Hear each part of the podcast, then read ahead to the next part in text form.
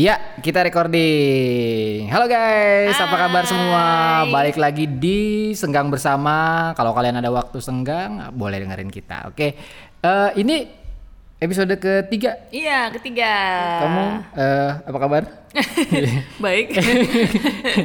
Oke, eh, ini episode ketiga. Eh, episode pertama kita kemar eh, Ngomongin tentang belajar. tentang belajar. Episode kedua kita ngomongin tentang jodoh ya. Jodoh. Sekarang kita ngomongin eh, homeschooling. Tentang homeschooling. tentang homeschooling. Jadi kita juga kemarin sempat eh, lempar pertanyaan. Ada yang mau bertanya soal homeschooling kah? Nah, mungkin kita bis- bisa share. Nanti mungkin akan kita bacain ya. Kita summarize, kita bacain pertanyaan-pertanyaannya apa aja.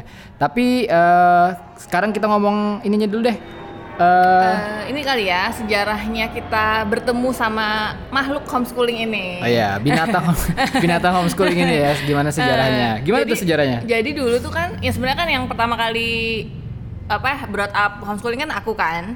Jadi dulu kita kan, eh jadi dulu aku tuh kerja eh, apa namanya? Tapi pas hamil Alma, begitu melahirkan, emang dari awal tuh handle Alma sendiri. Jadi begitu udah abis cuti hamilnya, mau balik lagi mikir-mikir juga gitu kan. Mhm, Akhirnya ya. decided untuk eh, berhenti kerja. Nah, eh, seperti kebanyakan orang, biasanya begitu anak lahir langsung dong siapin eh, uang pendidikan, Betul, mau iya. milih sekolah di mana, padahal Sekolah anaknya mana. juga baru bisa nangis doang Oh, gitu kan. tapi udah menyiapkan. Tapi rata-rata tuh pasti kayak gitu Ya, sih. udah mikirin. Aku, eh, aku ngobrol-ngobrol sama teman-teman aku yang lain pun juga begitu. Udah pada research duluan. Jadi semen, mas- aku kebetulan juga di rumah banyak. Jadilah mulai research kan eh, tentang sekolah-sekolah. Ada beberapa sekolah yang eh, aku suka gaya Ajarannya, mendidiknya. mendidiknya. Hmm, gaya mendidiknya. Setelah aku Google, waduh, kok harganya mahal banget ya gitu. Kalau misalnya aku mau masukin anak ke situ, mau nggak mau mesti kerja lagi nih gitu. Aku masih kita masih double income lagi. Sedangkan eh, aku berhenti kerja itu untuk bersama anak-anak. Jadi kayaknya kok malah eh, apa ya? eh defeat the purpose aku berhenti, Berhenti, bekerja iya. gitu awalnya. Akhirnya cari nih, cari alternatif yang lain.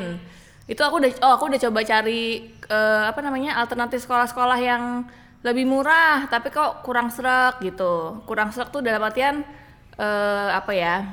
Nah, mungkin mungkin se- sebelum situ kan tadi kita ngomongnya eh, ada sih sekolah-sekolah yang eh, kita pengen gitu Hmm, kan. Oh ya kayak tipenya kayak gimana iya, gitu nah maksudnya ya? sekolah yang kita pengen itu sebenarnya seperti apa gitu? Iya iya. Jadi sekolah yang yang kita pengen itu sebenarnya eh bisa gimana ya? Hmm, pertama tidak mementingkan grade. Nilai, oke. nilai karena iya. memang grade itu sebenarnya nggak ada fungsinya gitu. Hmm. Apalagi sekarang itu era kolaborasi, bukan kompetisi lagi Hmm. gitu. Terus eh, rata-rata yang tidak mementingkan grade itu banyak eh, project base-nya. Oke. Project base itu gimana ya? Project base kalau misalnya kita kalau di sekolah itu ngerjain matematika, eh belajar matematika, bahasa apa gitu. Kalau project base itu dia lebih mengerjakan sesuatu, nanti di dalamnya itu kamu kita belajarnya macam-macam.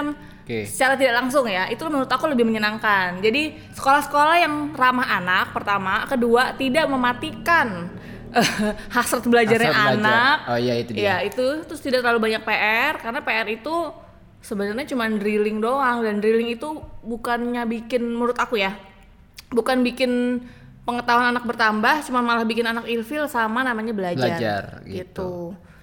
Nah, se- si eh, ya mungkin bisa disebutin aja kali ya sekolah-sekolahnya kayak Ya, misalnya kayak sekolah- Cikal. Kayak ah, Cikal, ya Cikal sama High School High gitu kan. scope, Eh, cuman ya bener-bener masih jualan organ kayaknya kalau ke sana. ya aku masih kerja lagi lah pokoknya gitu, kerja lagi dan anak cuma satu akhirnya kan. Iya.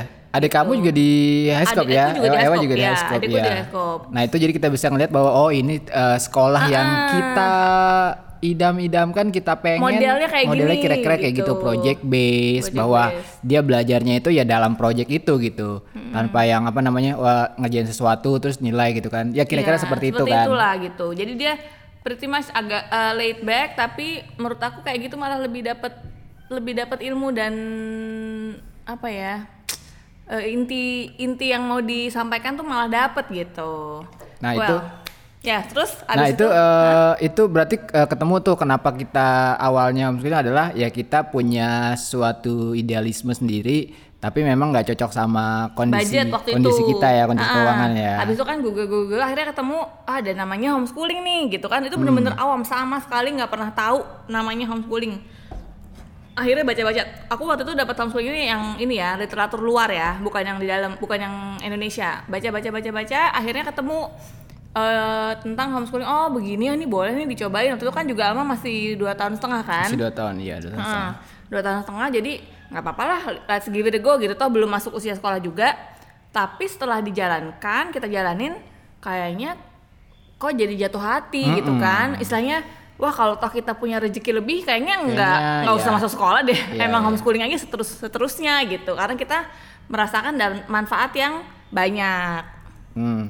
Nah, eh, itu eh, setelah tadi apa namanya eh, punya idealisme, terus ternyata mulai kenal, mulai kenal homeschooling. Nah, tapi kan eh, ada tahap di mana kita akhirnya jatuh hati gitu kan. Iya, iya. Nah, kira-kira eh, faktor-faktor apa aja yang bisa yang bikin kita yang bikin jatuh kita, hati iya, dan bikin kita klik wah kayaknya di nih, gitu. gitu. Iya, mantap. Jadi eh, kenapa akhirnya kita oke sama nih homeschooling? Sama nih homeschooling kayaknya ada satu aja yang dituju. Jadi eh, pertama seperti yang kita ya kita pelajarin tentang parenting dan segala macam, anak itu unik.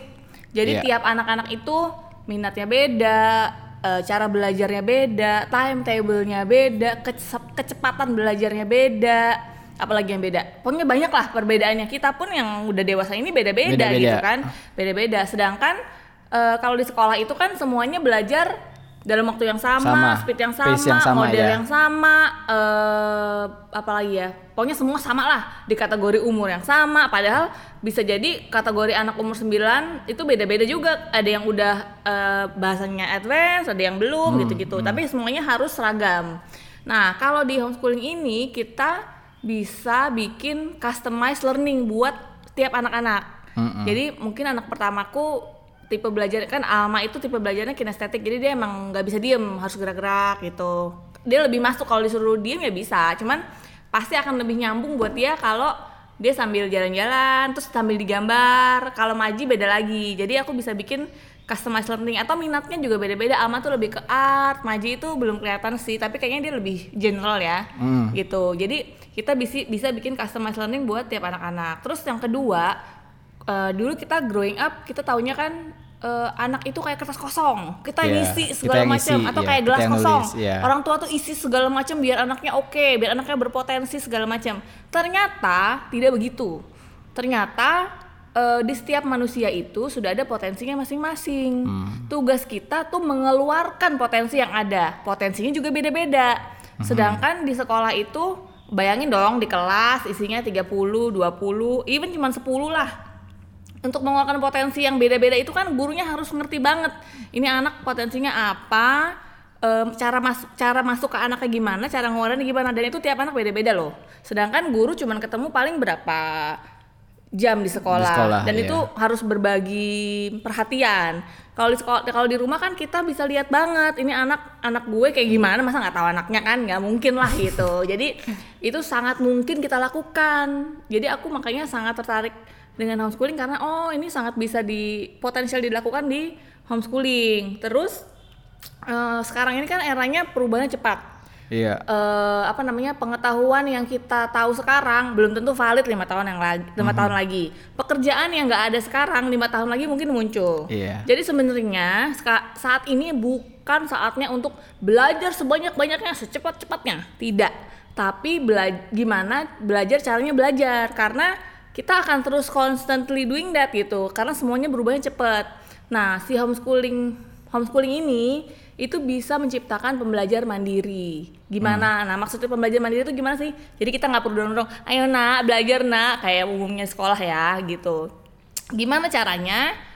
eh ya sebenarnya kalau lu ngejalanin homeschooling itu tuh bukan tipenya tuh bukan kita ngajarin anak terus atau guru datang ngajarin anak nggak kayak gitu tapi kita sama-sama belajar sama anak malah kadang-kadang bukan kadang-kadang selalunya orang tuanya belajar lebih banyak Belajar- daripada belajar anaknya. anak, iya. anak kan juga ngelihat kan "Oh, orang tua gue belajar gitu. Itu tuh kayak apa ya menghasi- menciptakan pola baru lah gitu. Hmm. yang bikin belajar itu tuh sukacita menyenangkan dan sesuatu yang kita lakukan bersama-sama. Jadi seru. Dan akhirnya ya anak-anaknya tuh ada motivasi sendiri untuk mempelajari hal yang baru dan mereka udah tahu caranya gitu jadi belajar itu nggak cuma duduk buka buku ngerjain soal nggak kayak gitu gitu macem-macem caranya Ya wis itu eh, apa ya? Kalau kita kalau kita disuruh menggambarkan eh, belajar itu seperti apa, rata-rata kan ya udah belajar itu duduk, baca buku, nulis gitu-gitu kan. Dan ya yang di sekolah ajarkan ya mungkin ya memang itu gitu. Nah, tadi balik lagi ke yang mengeluarkan potensi itu, mengeluarkan potensi dulu sempat ada apa sih? Ya, aku sih suka itu filosofinya yang soal mengeluarkan potensi anak itu katanya kalau di kalau misalkan di sekolah di barat eh, jadi filosofinya itu kayak kalau yang di kalau homeschooling itu meninggikan bukit gitu. iya iya betul kalau di sekolah me- meratakan, meratakan bukit meratakan eh, meninggikan bukit, meratakan gunung. ya Kalau yang sekolah itu meratakan gunung dalam arti gini. Ya udah dalam eh, di, di sekolah semuanya itu dianggap sama gitu, di- diratakan. harus sama Harus sama. Jadi mis- jadi dia gini, misalnya di sekolah nih, eh, ada anak yang sama-sama umur 9 tahun. Yang satu Excel, yang satu dia bisa mengikuti jenjang bahasa, pelajaran bahasa, yang satunya eh, dia masih ketinggalan. Tapi dia sebenarnya Excel in math. Hmm. Instead of focusing on dia Excel in math, dia malah harus mengulang-ulang si bahasanya ini sampai dia bisa catch up sama peersnya dia gitu. Tapi kalau di homeschooling itu nggak masalah kayak gitu. Jadi dia mau mathnya level 9 ya udah jalan level 9 padahal dia masih 9, di ya. level 8 misalnya. Tapi bahasa dia masih di level 5 ya nggak apa-apa Ya nggak apa-apa, gitu. itu. Sesuaiin aja sama kemampuannya dia. Jadi nggak ada yang harus kejar-kejaran dan balapan, nggak tahu eh, masuk apa pita finish di waktu tertentu nggak gitu gitu. Nah itu mungkin eh, eh, eh, dulu aku sempat nulis juga di blog salah satu blog di tanganbelang.com itu tentang eh, kenapa sih sistem pendidikannya kayak gitu gitu. Eh, yaitu karena eh, sekolah itu kan sebenarnya dulunya gitu, Ya. dulunya itu dipersiapkan buat workers kan, Betul. buat, Buat, jadi eh, work- apa me- mencukupi kebutuhan workforce Iya, ya, industri, lah gitu. Jadi ya udah eh, mereka tuh mereka tuh udah punya sistem sendiri gitu bahwa eh, lulus sekolah ya udah masuk ke industri gitu. Dan makanya di sekolah tuh rata-rata yang dipandang oke itu mata mata pelajarannya pasti math Iya. sama ya bahasa gitu karena itu yang di yang di workforce dipakai. Iya, itu. betul. Tapi pada kenyataannya sekarang kan dunia udah berubah. Udah berubah. Nah, itu balik lagi ke poin yang ketiga apa ya udah berubah gitu. Tadi sebenarnya menarik gitu bahwa eh, ini mungkin aja nih pekerjaan eh, kalau lo udah punya anak ya, pekerjaan anak-anak lo sekarang itu sebenarnya kemungkinan belum ada pekerjaannya. Yes. Kayak misalkan 10 tahun yang lalu, 10 tahun yang lalu mana ada kerjaan eh, coding, programming gitu. Jadi memang Podcast sih. podcast nggak ada YouTube Iya. konten kreator mana ada jadi eh, ya itu perubahan cepat informasi juga cepat Eh, kalau kita nggak ngejar ya akan ketinggalan seperti kata Pak Jokowi sering bilang kalau kita nggak mengejar ya ya kita ketinggalan di belakang gitu nah itu perubahan yang eh, cepat. cepat itu Nah itu gitu. jadi juga sebenarnya menyalakan api untuk semangat belajar itu yang sebenarnya di anak-anak tuh udah ada loh gitu. Cuma kita kadang-kadang suka memandang sebelah mata karena belajarnya kok masa kayak gitu belajar gitu kan. Iya. Kita kita suka meremehkan eh, kesempatan-kesempatan belajar padahal kesempatan belajar itu ada di di mana-mana dan di depan mata. Cuman kita taunya belajar itu duduk buka buku eh, ngejain soal atau baca-baca gitu kan. Iya. Padahal nih eh, kayak misalnya anak bayi dari dari dia nggak bisa jalan ke bisa jalan itu belajar jalan. Dari anak eh, nggak bisa makan sendiri bisa makan sendiri itu belajar makan. Belajar itu luas banget. Cuman eh, entah kenapa di kita kok jadinya sangat menyempit maknanya gitu.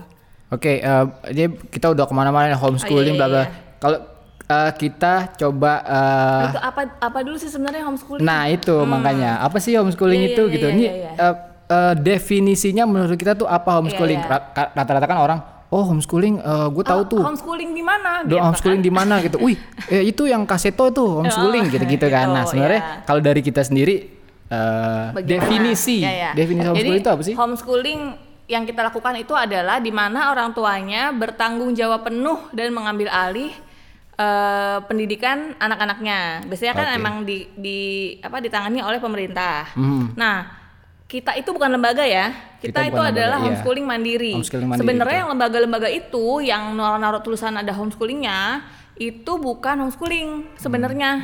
Tapi itu namanya flexi school. Flexi Iya, school, kalau di oke. luar tuh nama itu nama kategorinya adalah flexi school. Flexi school adalah eh, ya seperti sekolahan, Hmm. tapi waktu belajarnya dan, dan tempat belajarnya eh, fleksibel. Ya, fleksibel, Gitu. ya. Sedangkan kalau homeschool yang kita lakukan itu kita kurikulumnya bikin sendiri, Bikin sendiri, ya. eh, cara belajarnya kita tentukan sendiri, Hmm. materinya kita tentukan sendiri, eh, apalagi ya, hmm, gayanya kita tentukan Gayanya. sendiri. Pokoknya semuanya tentukan sendiri gitu. Biasanya kita tuh bikin racikan dan resep sendiri. Dan Hmm. itu kan aku punya teman-teman homeschooling juga banyak.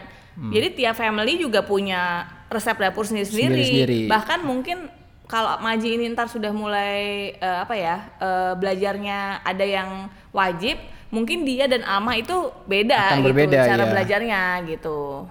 Jadi memang ya ya tiap keluarga, tiap anak itu kemungkinan punya punya cara yang berbeda ya. gitu. Hmm, ya itu kasih customized learning itu Customized masuknya di situ gitu.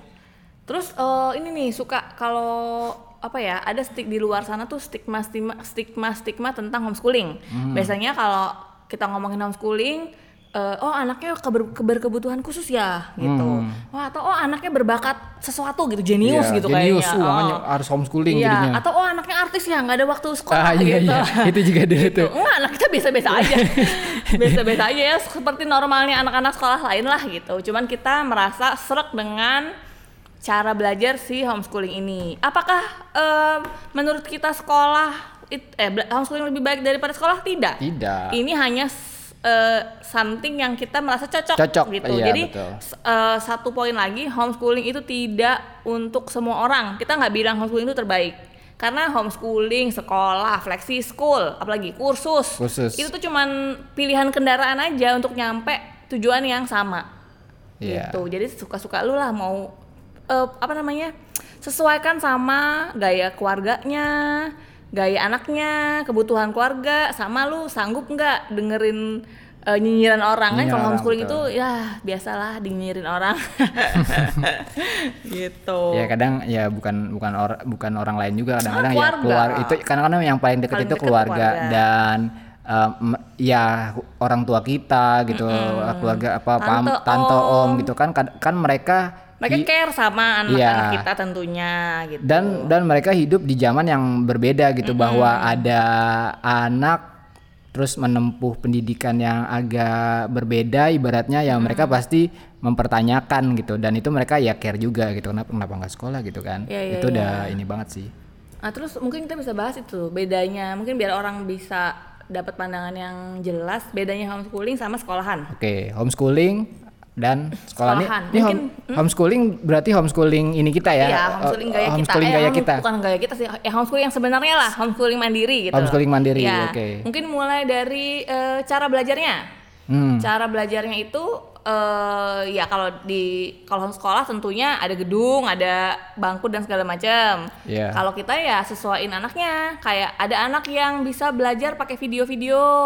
Iya. Atau ada anak yang eh, dikasih tahu, diterangin aja bisa atau kadang-kadang ada materi-materi tertentu ya kita ya. Misalnya Hmm. kayak oh anaknya lagi tertarik eh, kereta misalnya. Ya udah kita ajak jalan-jalan ke apa namanya stasiun kereta, Stasiun kereta, iya. tanya sama orang yang kerja di sana gitu-gitu atau uh, project base juga bisa misalnya kayak membi- kita mau bikin resep cupcake Hmm. itu dari belanja eh, bikin list bikin list belanjaan itu kan udah eh, apa namanya eh, bisa di situ ada menulis ada mengkategorikan. Ini nanti ini ngambilnya di di, di aisle eh, sayur mayur. Itu kan pengelompokan itu matematika loh. Iya, gitu. terus habis itu kita udah belanja di kasir kita transaksi. Itu uang matematika lagi. Itu keuangan juga bisa kan? Oh kita punya uang segini sebaiknya kita budgetnya segini. Itu bisa budget keuangan. Terus eh, sampai di rumah kita eh, mulai memasak baca resep itu logika banget loh. Itu sangat susah. Terus nanti mungkin ada pecahan satu cup setengah cup matematika lagi. Ngukur berat tepung matematika lagi.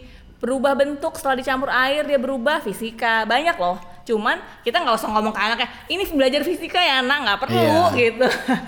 Sebenarnya dengan menjalani itu itu anaknya belajar. Itu yang aku bilang tadi belajar itu sempit banget di kita padahal betul. proses sehari-hari itu banyak banget kesempatan dan poin belajarnya loh gitu. Ya adalah ya itu kan sebenarnya lebih ke life skill gitu bahwa Yes. melakukan eh, apa namanya rutinitas kehidupan itu juga sebenarnya kalau kita bisa ngelihat ya itu ada pelajaran juga di situ. Banyak, banyak kayak banget. ya kayak beberapa kali gitu gue gua ajak eh, anak-anak buat eh, ini ngirim paket. Jadi kalau ada yang belanja dari toko gua itu gue beberapa kali eh, mereka tahu tuh wah bapak mau ngirim paket ya gitu. Tapi gimana ini ini paket bisa sampai ke sana gitu?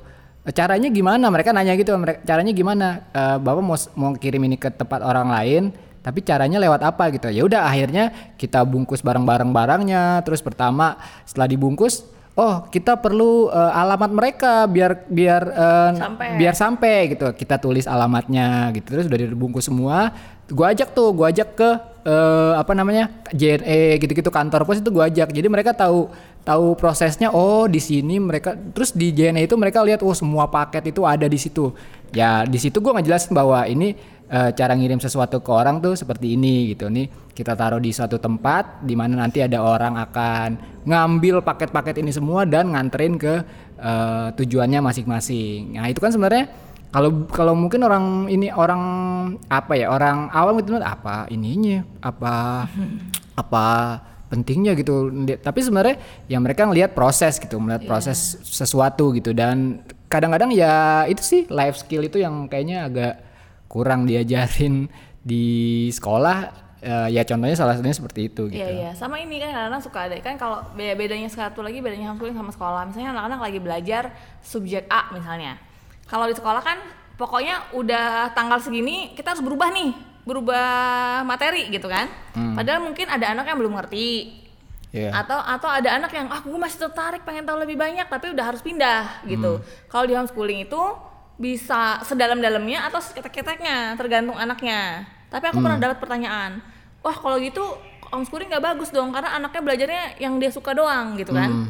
Terus gimana mau belajar eh, apa namanya kalau di sekolah kan mau nggak mau suka nggak suka harus belajar Harus itu belajar, gitu. ya. Itu kan sebenarnya poinnya adalah belajar tanggung jawab kan. Kita ngelakuin sesuatu yang kita nggak suka, ya kan? Mm-mm. kita tetap ngelakuin sesuatu yang kita nggak suka itu kan nggak cuman di nggak cuman di soal maksudnya itu kan belajar tanggung jawab lah maksud aku ya itu kan nggak cuman dari soal dari bisa di dari situ doang nggak cuman nggak cuman dari situ doang belajar tanggung jawab itu banyak cara satu, satu- salah satu contohnya adalah kita kayak ngajarin anak-anak tiap bangun pagi mereka kerjaan yang harus mereka lakukan adalah bersihin kamarnya sendiri mandi. Kalau ama tambah bersihin ruang tamu. Itu kan sebenarnya belajar tanggung jawab karena mereka kalau nggak kerjain itu ada konsekuensinya lagi nanti. Jadi banyak cara untuk ngajarin tanggung jawab nggak perlu dari situ aja. Malah soalnya kalau kayak gitu kita matiin itu loh ya itu aku bilang tadi matiin semangat belajar. Curiosity itu susah loh dibangkitkan kembali kalau udah kalau udah flatline gitu nah terus eh, kapan belajarnya? Kalau di homeschooling ya belajar kapan aja bisa Kapan aja, ya. gitu. Terus kalau kalau di sekolah ya tertentu. Terus sama siapa? Nah ini paling penting. Kalau pertanyaan suka kita dapatkan oh guru datang ke rumah ya? Oh ibunya hebat ya bisa ngajarin anaknya gitu. Enggak enggak enggak kayak gitu. Jadi kalau di homeschooling itu belajarnya bareng-bareng. Misalnya nih anaknya kayak tadi Tira eh, Ama tuh suka kan nanya oh bu eh, itu apa namanya eh, matahari itu bakal mati nggak ya gitu? Iya. wah ibu nggak tahu ama ayo kita cari tahu gitu. Jadi kita Iya. cari tahunya bareng-bareng either Google atau kayak ini kebetulan bapaknya suka yang uh, outer space lah luar angkasa gitu. Oke tanya bapak aja kita kirim voice note gitu. Jadi Iya. intinya kita menggali bersama-sama. Atau uh, kalau kita kayak aku waktu itu ama kan suka art. Tapi aku nggak bisa waktu itu kan belum belum ngerti lah gitu aku cariin temen yang eh, bisa tertarik. Jadi kita ketemuin ke mereka kita tanya-tanya. Jadi memang jadi orang tua homeschool itu mesti aktif jadi fasilitator. Dan kita belajar bareng-bareng gitu. Tapi belajarnya sama siapa aja semua orang itu bisa jadi eh apa ya eh, mentor belajar lah. Temen temennya anak-anak kita anak itu sendiri dia belajar sama dirinya sendiri orang tua eh, orang di pasar, tukang sayur, semua orang yang ditemuin itu bisa jadi eh, tempat belajar gitu. Nah, eh, sebenarnya kenapa homeschooling itu ya cocok buat aku juga sebenarnya eh, ya aku ya nada gitu kan sebenarnya eh, orang yang senang belajar lah ibaratnya gitu. Nah, dengan si anak kayak tadi kan melontarkan pertanyaan ini. Nah kadang, kadang itu gue nggak bisa jawabnya gitu. Tapi karena nggak bisa jawabnya tapi penasaran juga ini kenapa yang ditanyain si anak ini tadi apa ya? Akhirnya kita belajar dulu. Nah prosesnya gitu. Pertama kita untuk tahu apa yang ditanyakan anak kita cari tahu jawabannya dulu. Itu satu. Yang kedua gimana cara kita udah tahu jawabannya. Oh ternyata ini. Gimana cara menyampaikan jawaban itu ke anak sehingga dia Mengerti. mengerti. Nah, itu jadi ada proses lagi gitu. Pada akhirnya ya kita juga belajar, Belajar. anak- anak-anak juga belajar Iya, gitu. iya. Kalau kita sih pengennya sebenarnya eh apa namanya ya? Yang pengen kita mau dari anak-anak adalah semangat belajarnya itu loh. Itu yang penting loh. Iya. Semangat belajar bahwa kita juga belajar. Mereka bisa ngelihat itu gitu. Nah, itu sebenarnya yang Dan sebenarnya semua anak itu udah born with apa ya? eh, pengen tahu. Ya itu kan anak itu dia itu dari lahir dari nggak bisa jalan ke bisa jalan itu kan dia belajar kita kan nggak nyuruh kita kan nggak yang ayo nak Oh, jalan, belajar jalan, jalan, nak. Gitu. dia udah punya sendiri gitu. Sebenarnya itu udah natural banget kadang-kadang kita matiin gitu karena kita suka menganggap remeh sama belajar-belajar yang menurut kita nggak penting banget nih belajar ini gitu. Padahal mungkin minatnya di situ gitu. Nah, salah satu yang gimana ya, yang eh, aku kurang serak dengan sekolah, eh, ibaratnya gini, kayak soal ini nih, eh, nggak naik kelas gitu. Iya iya iya. Dulu itu salah satu momen paling apa ya, memalukan boleh dibilang adalah tidak naik kelas. Wah, kalau ada yang ya kalau gue sih nggak pernah tidak naik kelas ya, tapi sempat beberapa kali SD, eh, SMP juga kayaknya pernah deh. Eh, temen yang tidak naik kelas itu kayak di Memalukan ya. memalukannya tuh kayak kayaknya udah paling paling ultimat banget deh ibaratnya udah paling malu lu yang nggak naik kelas apa dicengin segala macam padahal sebenarnya kan nggak naik kelas itu ya ya belajar lagi gitu sih Iya bener, itu sebenarnya kesempatan lu belajar lagi aja Iya. gitu. Ya emang belum paham, maka kita belajar lagi. Sedangkan kalau kita kan berlomba-lomba untuk meraih satu titik secepat-cepatnya dengan cara apa pun. Lu ngerti nggak ngerti, pokoknya nyampe sana aja gitu. Pada, Hmm. nah, kalau di homeschooling itu ya itu karena dia nggak grade base, eh, jadi bener-bener isinya itu lu acquiring skill, acquiring knowledge, bukan berlomba-lomba mencapai garis finish Mhm. gitu. Padahal yang lu pelajarin kemarin udah nguap semua gitu. Kalau kita nggak pentingin itu, kita pentingin ya nggak apa-apa anaknya tahu dikit tapi taunya tuh beneran gitu. Hmm. Nggak cuman untuk nyenengin orang tua atau gimana. Nah, tapi juga jangan bayangin kita tiap hari ya, hari anak-anak hari ini belajar matematika, anak-anak hari ini belajar bahasa atau apa gitu. Jangan kayak gitu. Enggak sih, ya. Jadi misalnya nih, kalau sekarang tuh memang yang ada yang wajib, Alma karena udah masuk usia sekolah, jadi dia yang wajib wajib itu math sama ba- eh, language. Itu Iya. juga yang da- dasar banget.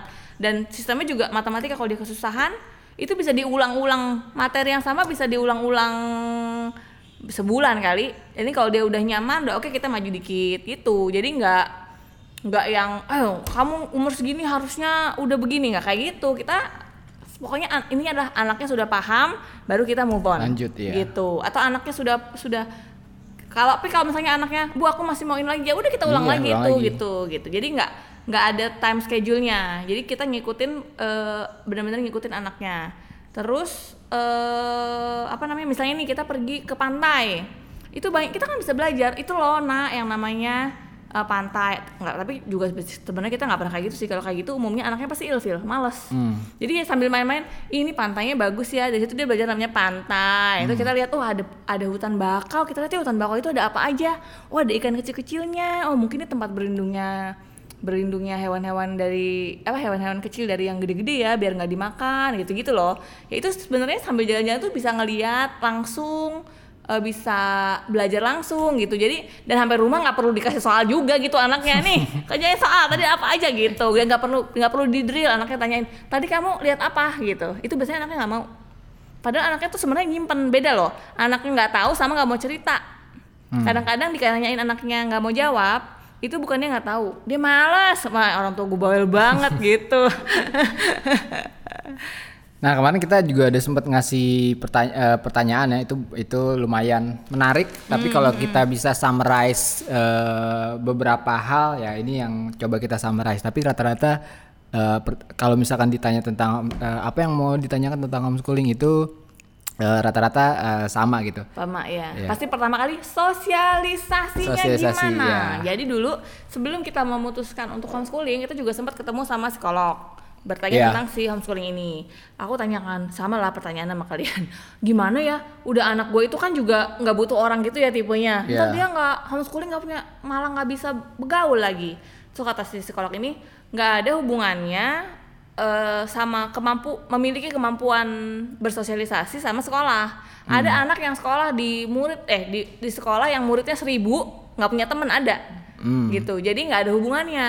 Nah sekarang yang, yang di kita ngomong di sosialisasi definisi sosialisasi malah kan sebenarnya kalau di sekolah itu sosialisasinya satu apa eh, satu umur. Umur. Hmm. Jadi kayak mas kalau umurnya 7 tahun ya ternyata 7 7 sampai 8 gitu. Nah, kalau di homeschooling itu justru lintas usia. Karena kan sehari-harinya ketemu orang tua, ketemu tuang sayur, ketemu teman-teman kayak aku nih di komunitasku anak-anaknya dari umur 2 tahun eh si Rai satu tahun satu tahun, tahun. sampai 17 tahun itu range umurnya gede loh dan itu mereka main bareng-bareng jadi yang tuh yang gede ngomong anak-anaknya mentorin mentorin yang kecil-kecil yang kecil look up sama kakak-kakaknya gitu. Yang kalau datang tuh ditunggu-tunggu sama mereka. Dan ya bisa aja mix kayak gitu gitu. Jadi justru sosialisasinya lintas usia dan mereka nggak canggung. Karena emang sehari-harinya ketemu orang dengan berbagai macam eh apa ya umur yang berbeda-beda gitu jadi menurut aku sosialisasi nggak ada masalah Nah itu ya mungkin beda sorry beda kecuali ya kalau diem di rumah mulu ya Nah itu maksudku itu. Oh, iya, iya. Orang kadang-kadang nah gitu karena kan ya. eh, kenapa eh, itu jadi pertanyaan yang Iya, iya, di iya, iya. Instagramku juga lumayan banyak. Di Instagrammu ada juga soal sosialisasi itu karena eh, ya mereka mungkin belum eh, paham homeschooling itu seperti apa gitu. Iya, iya. Kayaknya di mindset mereka itu Belajar adalah di rumah eh, gitu ya. homeschooling, belajar di rumah sendirian, ujian di rumah gitu-gitu Iya, kan. iya. isinya homeschooling itu jalan-jalan mulu kok sebenarnya Iya makanya kan rata-rata di mindset orang gitu oh homeschooling Iya, di rumah sekolah ya, di di rumah, rumah, sekolah ya udah sendiri eh, di rumah ya udah sendiri belajar sendiri apa segala macam Iya. tapi setelah kita sharing seperti ini mungkin lebih ini juga ya Iya. orang lebih apa lebih tergambar bahwa oh homeschooling itu ternyata ya itu belajarnya ketemu dengan orang dengan umur yang lebar banget mulai dari yang kecil sampai yang orang tua apa segala Iya. macam. Justru dulu tuh aku waktu anak-anak eh waktu aku masih eh, masih kerjanya lumayan aktif anak-anak aku bawa kerja. Jadi malah dia ketemu jadi aku sambil kerja dia ngapain gitu kan. Itu malah justru nggak aku kasih gadget juga. Jadi dia sambil nunggu aku mungkin ketemu sama orang nih ngobrol dia mesti belajar memanage dirinya supaya tidak bosan atau Iya. mengentertain dirinya supaya tidak bosan. Itu skill loh menunggu aku yang lagi kerja supaya tidak ganggu aku itu skill. Terus eh, dan dia di situ dia ngelihat oh ibuku kerja begini. Terus dia ketemu dia ngobrol sama orang yang aku temui. Di sana dia ketemu waiter mungkin ketemu siapa itu sosialisasi semua isinya gitu. Dan itu cuman hal kayak gitu doang tuh poin belajarnya banyak. Hmm. Nah, itu soal sa- satu soal yang ditanyain banyak banget yaitu soal sosialisasi. Sosialisasi. Yang kedua ini yang gak kalah banyaknya yang paling paling banyak kayaknya soal ija- Ijazah. ijazah, dokumen kelulusan Iya. apa segala nah, macam. Sebelum kita ngebahas soal ijazah, sebenarnya pertanyaan pertama yang perlu di perlu dipertanyakan, coba dipertanyakan, dibahas, Dibahas. adalah sebenarnya anaknya eh, tujuan belajarnya mau ngapain, Mau ngapain, gitu. ya. Kecuali lu mau kerja di kantoran atau mau jadi dokter yang akademisi gitu. eh, itu ya lu perlu ijazah Ya, dan profesional perlu lah. kuliah, ya. Kalau profesional Iya, kayak gitu. perlu kuliah. Tapi kalau lu mau jadi fotografer, desainer, Yang lebih ke skill apalagi ya, ya itu dari sekarang aja. Kalau udah kelihatan anaknya suka moto, kasih pinjemin kamera, Hmm. Kamera. suruh dijepret. Build portofolio dari sekarang. Hmm. Atau kalau mau menjurus ke entrepreneur, ya anaknya diarah udah dilatih untuk berjualan dari sekarang gitu. Hmm. Umur berapapun itu nggak ada yang kalau kalau anaknya udah kelihatan minat, ya udah go for it gitu. Nah, kan tanya kan kalau anaknya masih kecil nggak kelihatan gitu ya nggak nggak jangan mulai dari kecil-kecil banget juga kan kita tuh suka yang suka takut ketinggalan kereta ya Iya. harus dimulai dari sekarang nanti ketinggalan enggak whenever the kids is ready dia ready kok gitu jadi lu nggak mesti nggak mesti ketakutan dari anak umur 4 tahun udah parnonya setengah mati gitu. Ini just enjoy it gitu. Anak tuh baru biasanya tuh nentuin apa ya minatnya tuh fokus banget tuh ntar 10 tahun. Sedang di bawah itu tuh eksplorasi aja dulu. Nah kalau ngomongin gimana kalau tadinya kita siapin buat entrepreneur entrepreneurship tapi ternyata anaknya mau jadi dokter misalnya? Itu banyak cara. Eh, dia tetap bisa kuliah karena kalau mau dapatin ijazah kita bisa mendaftarkan diri ke PKBM untuk ikut eh, ujian UAN. Eh PKBM UAN, itu apa? UN salah. PKBM pusat Kegiatan PK, belajar kegiatan mengajar. belajar masyarakat. Belajar masyarakat. Nah, oke. u- eh, ijazahnya iya kejar paket. Iya, kejar nah, paket. itu suka dipandang sebelah mata sama orang. Kejar paket. Kejar paket. Itu kan kayaknya enggak banget. Ih, jangan salah loh. Anak-anak homeschooling itu banyak yang udah diterima di UI. Dan yang beasiswa ke luar negeri pun banyak dengan ijazah kejar paket. paket, iya. Jadi itu tenang aja ya, ibu-ibu bapak-bapak. kejar paket itu eh, ijazahnya sama kok sama yang lain. Atau kalau mau yang lebih eh, mantep lagi misalnya ngambil eh, Cambridge. Cambridge, ya. Cambridge itu dia sistemnya kayak TOEFL. Jadi nggak perlu eh, belajar dulu terus eh belajar belajar, ya Belajar. perlu. Eh, maksudnya nggak perlu ngambil apa ya kayak ya kayak sekolahan gitulah. Jadi whenever you're ready ambil langsung eh, ambil langsung langsung ambil ujiannya maksudnya gitu. Dan lu nggak perlu ngambil semuanya. Jadi misalnya lihat aja kuliah yang mau lu tuju itu misalnya butuh kualifikasi bahasa sama matematika. Yang lo ambil itu dan lu nggak perlu ngambil eh, sesuai level. Kalau kejar paket kan habis A harus B dulu baru C. Iya. Kalau kalau Cambridge mau sekarang ini langsung ngambil yang SMA boleh.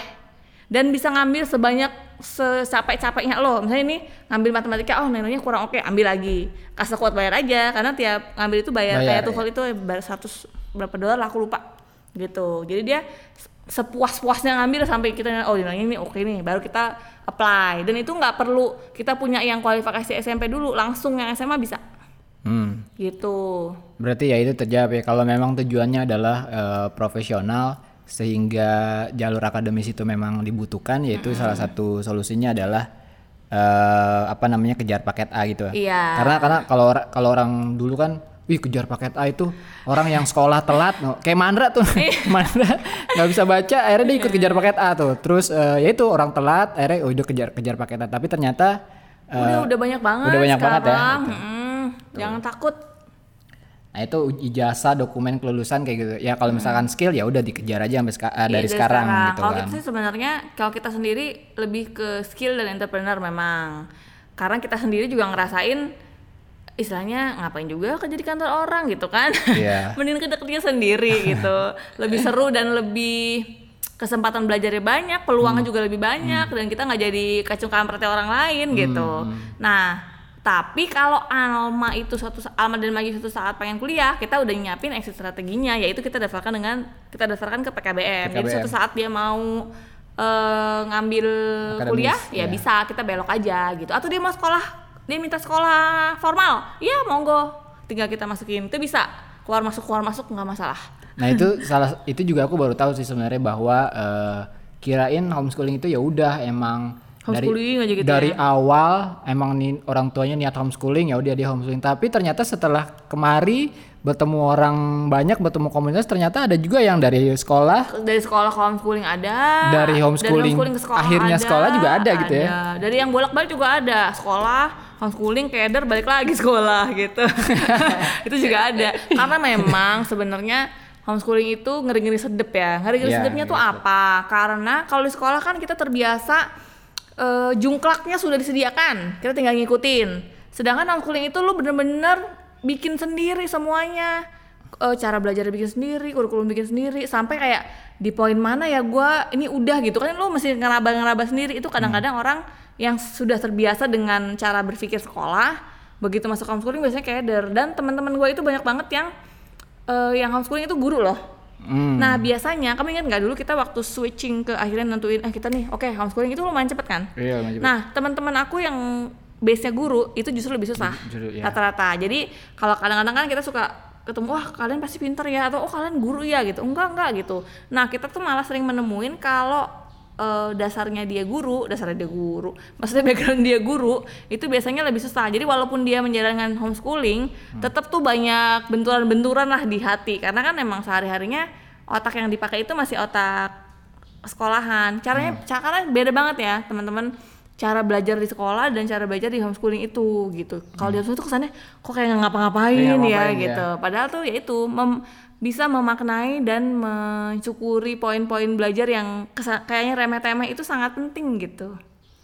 Ini ada pertanyaan yang eh, lumayan ini juga nih. emang nggak segitu percaya sama pendidikan Indonesia emang kita nggak segitu per- percayanya sama Enggak, eh, percaya aja kan mas, waktu itu kan emang apa namanya ada yang eh, ada juga sekolah yang kita pengen masuk kan Iya. gitu dan eh, apa namanya ya dan aku nggak bilang dia jelek sih. karena Iya. ada anak yang excel di setting itu gitu betul. tapi aku nggak aku ngerasa potensi anakku akan lebih besar kalau aku homeschoolingin gitu aku Iya. handle sendiri gitu karena tentunya kalau ngelihat dari jumlah guru versus anak ya kalau di sekolah kalau di homeschooling kan kita paling satu ban ya satu banding satu anak sa- anak dua orang tua dua kalau di sekolah kan udah banyak tuh murid 20 10 guru paling dua satu kelas gitu. Dari situ aja udah udah beda tentunya menurut aku akan lebih menguntungkan buat anakku untuk homeschooling. Dan aku tuh mampu. Ada orang yang nggak mampu ya jangan homeschooling. Nggak mampu itu dalam artian homeschooling itu capek. Capek nguras eh, emosi kadang-kadang ya. Karena lu kan 24 jam sama anak lu Sama men anak, gitu. jadi ya kadang-kadang pengen jedotin pala juga gitu cuman ya worth it sih menurut aku gitu. Tapi kalau buat orang-orang yang merasa nggak sanggup ya jangan jangan dipaksain. Ntar malah dedel duel juga gitu. Jadi makanya aku bilang tadi homeschooling is not for everybody. Lu mesti make sure cocok sama keluarga lu cocok sama gaya gaya parenting lu gitu. Karena homeschooling itu more than more than anything else is parenting. Iya. bukan belajar kayak di sekolah gitu enggak ya pada akhirnya ini pilihan sih ya maksudnya pilih Hmm. eh, sesuatu yang kita pilih karena kita serak terus setelah kita milih ya udah eh, tanggung jawabnya dijalanin eh, konsekuensinya juga kita terima gitu Hmm. Iya, Ya sih konsekuensi sama benar. Jangan salah loh, ini kita memi- memilih udah melakukan homeschooling ini udah hampir empat tahun lebih ya. empat ya empat tahun Eh enggak dong, Lebih, lebih, lebih. Ah, lima tahun, lima lahirnya tahunan, ah, lima tahun. Itu sampai sekarang bokap gue masih nggak setuju dan Iya. masih yang eh, apa namanya suka nawarin udah masukin sekolah, masuk sekolah aja gitu. itu. Kemarin tuh yang pas Alma udah mulai udah tujuh tahun tuh kan udah mulai masuk bener-bener masuk usia sekolah kan. Mungkin waktu dulu mereka masih mikirnya ah, ntar juga kalau udah masuk SD di Sekolahin disekolahin. gitu. Ternyata kan udah SD kok nggak sekolah-sekolah juga. Itu sempet seru tuh heboh banget sampai yang bercucuran air mata deh pokoknya gitu. Tapi udah lewat tuh. Nanti katanya katanya yang udah lama berhomeschooling tuh ada lagi momen-momen itu gitu. Jadi ya ya udahlah dinikmatin aja itu salah satu tantangan dan keseruannya berhomeschooling kok gitu. Jadi orang ajaib di tengah-tengah oh masyarakat lain.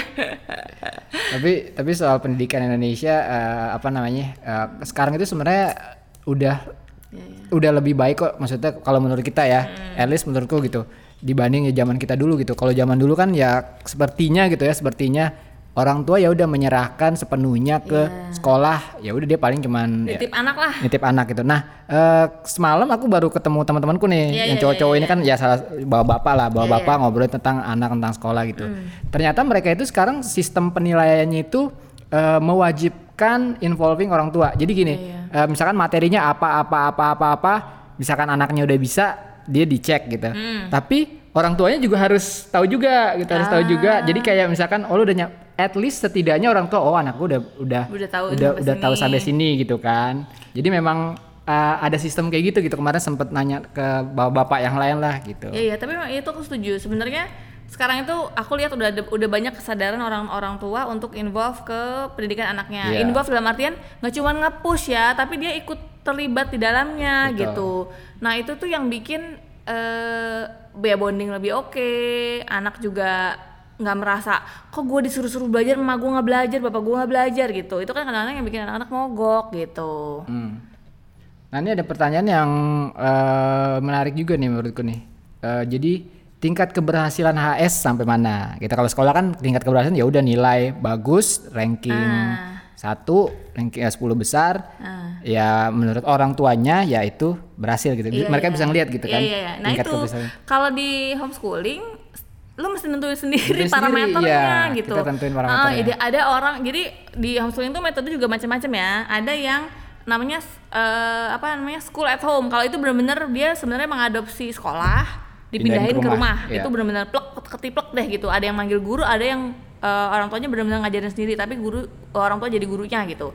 Ada yang eh, Charlotte Mason. Kalau Charlotte Mason itu dia eh, ya kurikulumnya diciptakan sama si Charlotte Mason ini. Jadi dia ada language, ada eh, nature study. Itu dia juga dia ada dia sistemnya mirip kayak sekolah jadi tiap pagi ada kelas walaupun nggak panjang sejam lah gitu ada ada schedule-nya dan ada uh, target-targetnya Ta terus ada juga uh, apa namanya unschooling. Kalau unschooling itu spektrum yang di ujung sebelah kanannya lagi. Kalau si school at home bener-bener kayak sekolah unschooling itu bener-bener segala macam yang lu pikirin yang tidak sekolah. Jadi bener-bener nggak ada kurikulum nggak ada schedule. Bener-bener ngikutin anaknya hari ini mau ngapain itu yang dikerjain gitu. Hmm. Kalau kita uh, eklektik, eklektik tapi masih berkiblat ke unschooling. unschooling. Jadi eklektik itu ya comot-comot, ada metode yang ini yang oke kita ambil. Jadi sekarang tuh anak-anak rutinitasnya uh, Alma itu yang wajib math sama study eh sama bahasa itu juga di rotate ya, nggak tiap hari. Jadi sehari bahasa, besok math, nah, ini bahasa math gitu. Terus kalau Maji masih uh, reading doang kenapa yang wajib itu karena ya sementara ini di sekolah pun tuh sebenarnya 1 sampai 4 tuh yang utama masih calistung. Jadi juga kita nggak mau berat-berat amat. Jadi kalau misalnya dia sampai belajar geografi itu sifatnya aksidental. Jadi kalau kita lagi jalan-jalan hmm. ke itu tuh kemarin ke Ion Mall dia nanya, "Bu, ini udah di Jakarta belum?" Yeah. "Ah, ini udah nggak di Jakarta, Ma. Ini di sini." gitu. Nah, kita lihat di peta. Ya kayak gitu sifatnya belajarnya ya, gitu. Hmm. Nah, uh, apa namanya? Oh iya tadi belum selesai. Jadi tingkat keberhasilan AS itu ya emang yeah. gue tentuin sendiri. sendiri. Kalau gue keberhasilan itu adalah anaknya punya progres. Udah.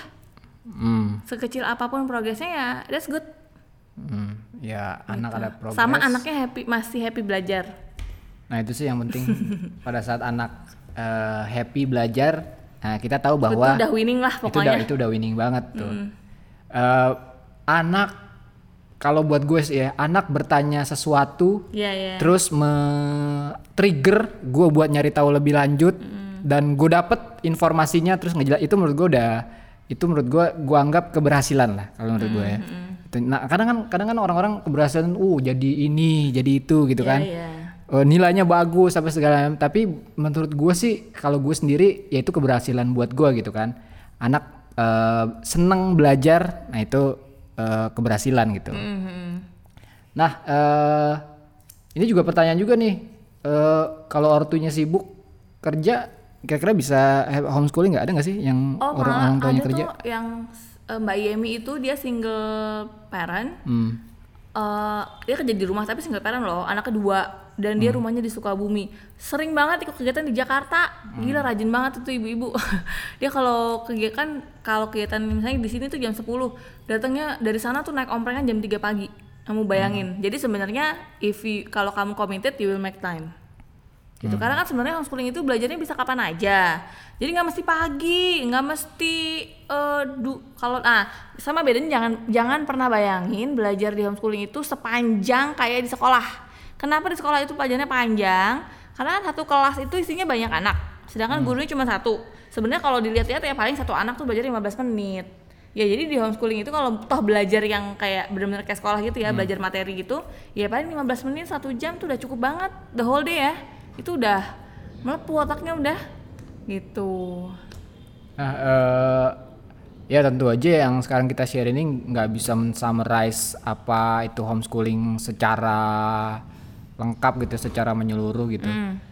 Nah kira-kira kalau misalkan nih ada orang mau tahu lebih jauh gitu tentang tentang homeschooling. homeschooling. Jadi aku itu sekarang tergabung sama komunitas namanya Belajar Bersama. Hmm. Belajar Bersama bisa dilihat di Facebook, Facebook fanpage ya. aja fanpage namanya ya. Belajar, Belajar Bersama, bersama. Ya belajar bersama dah pokoknya logonya warna merah ada tulisannya belajar bersama hmm. atau di Cipinang ada namanya oase oh atau kalau mau bener-bener pengen tahu homeschooling itu gimana buka rumah inspirasi.com yeah. itu semua orang tuh entry point dari situ kalau yang Indonesia. Karena yeah. itu itu satu keluarga yang dia punya tiga anak itu dia udah homeschooling udah lama banget lah salah satu dedengkotnya gitu. Mas Aar dan Mbak Lala gitu. Rumah inspirasi ya? Ya ah kalau tadi tadi tadi kalau komunitas yang si belajar bersama itu bisa lihat fanpage-nya kita ngumpul tiap Kamis kalau mau datang datang aja. Kita ngobrol-ngobrol tanya-tanya boleh. We are iya, welcome. ya, jadi, oh jadi kalau misalkan ini ya udah datang aja gitu ya. Mungkin mm -hmm. bisa tanya-tanya di uh, fanpage-nya fanpage-nya di... atau mau datang langsung silahkan. Di situ ada kok keterangan kita setiap Kamis ada kegiatan kita suka posting. Ada hari ini mau ada ini gitu. Ada alamatnya segala macam. Hmm. gitu. oke okay, okay. jadi ada apa lagi? Apa ada lagi dari ya? kamu ada pertanyaan lagi nggak Eh, udah sih cukup Oh, sih. eh, kan kemarin sempat bikin acara tuh homeschooling. Oh iya iya sukacita belajar. Sukacita belajar. Kita berapa bulan lalu bikin Heeh, suka- heeh. sukacita belajar Nah, ya? itu, Itu ya aku senangnya. Jadi suka sukacita belajar itu event ya, event eh, sejabodetabek di mana orang-orang praktisi homeschooling bekerja sama untuk sosialisasi tentang homeschooling. Hmm. Karena kenapa kita pengen sosialisasi? Karena banyak miskonsepsi. Karena selalu itulah pertanyaannya kan. Oh, anaknya berkebutuhan khusus ya. Oh, anaknya artis ya gitu. Atau homeschoolingnya di mana gitu. Karena banyak orang yang mau homeschooling akhirnya terjerumus masuk ke si lembaga-lembaga itu. Si lembaga, iya. Heeh, padahal ya kalau kayak gitu mendingan sekolah aja Mendingan sekolah, sekalian gitu. Terus eh sama kita mau sosialisasi kita cuma mau ngasih tahu. Kita bukan ngajak orang mau homeschooling loh. Kita cuma ngasih tahu ini loh ada alternatif pendidikan yang bisa lu ambil gitu. Kalau mau sekolah itu kan orang karena ngertinya kan cuma sekolah sama kursus gitu kan, sama ya si lembaga itu tadi. Padahal ada lagi nih model yang kayak gini. Kita cuma mau ngasih tahu doang. Kita ada di sini dan eh, mungkin bisa jadi salah satu alternatifnya gitu aja. Nah itu si sukacita itu kan acara cukup gede ya, tapi itu eh, panitia-panitianya, penyelenggaranya itu semua gratis loh, volunteer. Nah itu aku senangnya di homeschooling itu semangat semangat kerjasama, semangat kolaborasinya tuh gede banget. Iya. Karena kita semuanya tuh tipe-tipenya tipe-tipe orangnya mirip-mirip lah, giving, semua potensi dan semua yang dia punya dikeluarin, Dikeluarin, iya. gitu, nggak nggak takut ntar direbut orang, Hmm. nggak semuanya senangnya senangnya berbagi lah dari pengetahuan. Kalau nggak punya pengetahuan bagi tenaga gitu, ada Hmm. aja. Aku senang makanya. Nah berarti eh, kalaupun ada yang tertarik mungkin tentang homeschooling ya udah banyak juga ya, udah banyak juga komunitas-komunitas Iya, gitu iya, yang banyak, memang banyak. bisa ya mungkin ditanya-tanya Di Depok tuh ada kerlap. kerlap, oke, oase ya. Oase. Jadi itu kerlap, oase, kolase, Kolase. belajar bersama, pijar. Itu yang ada di Jabodetabek. Hmm, itu sih.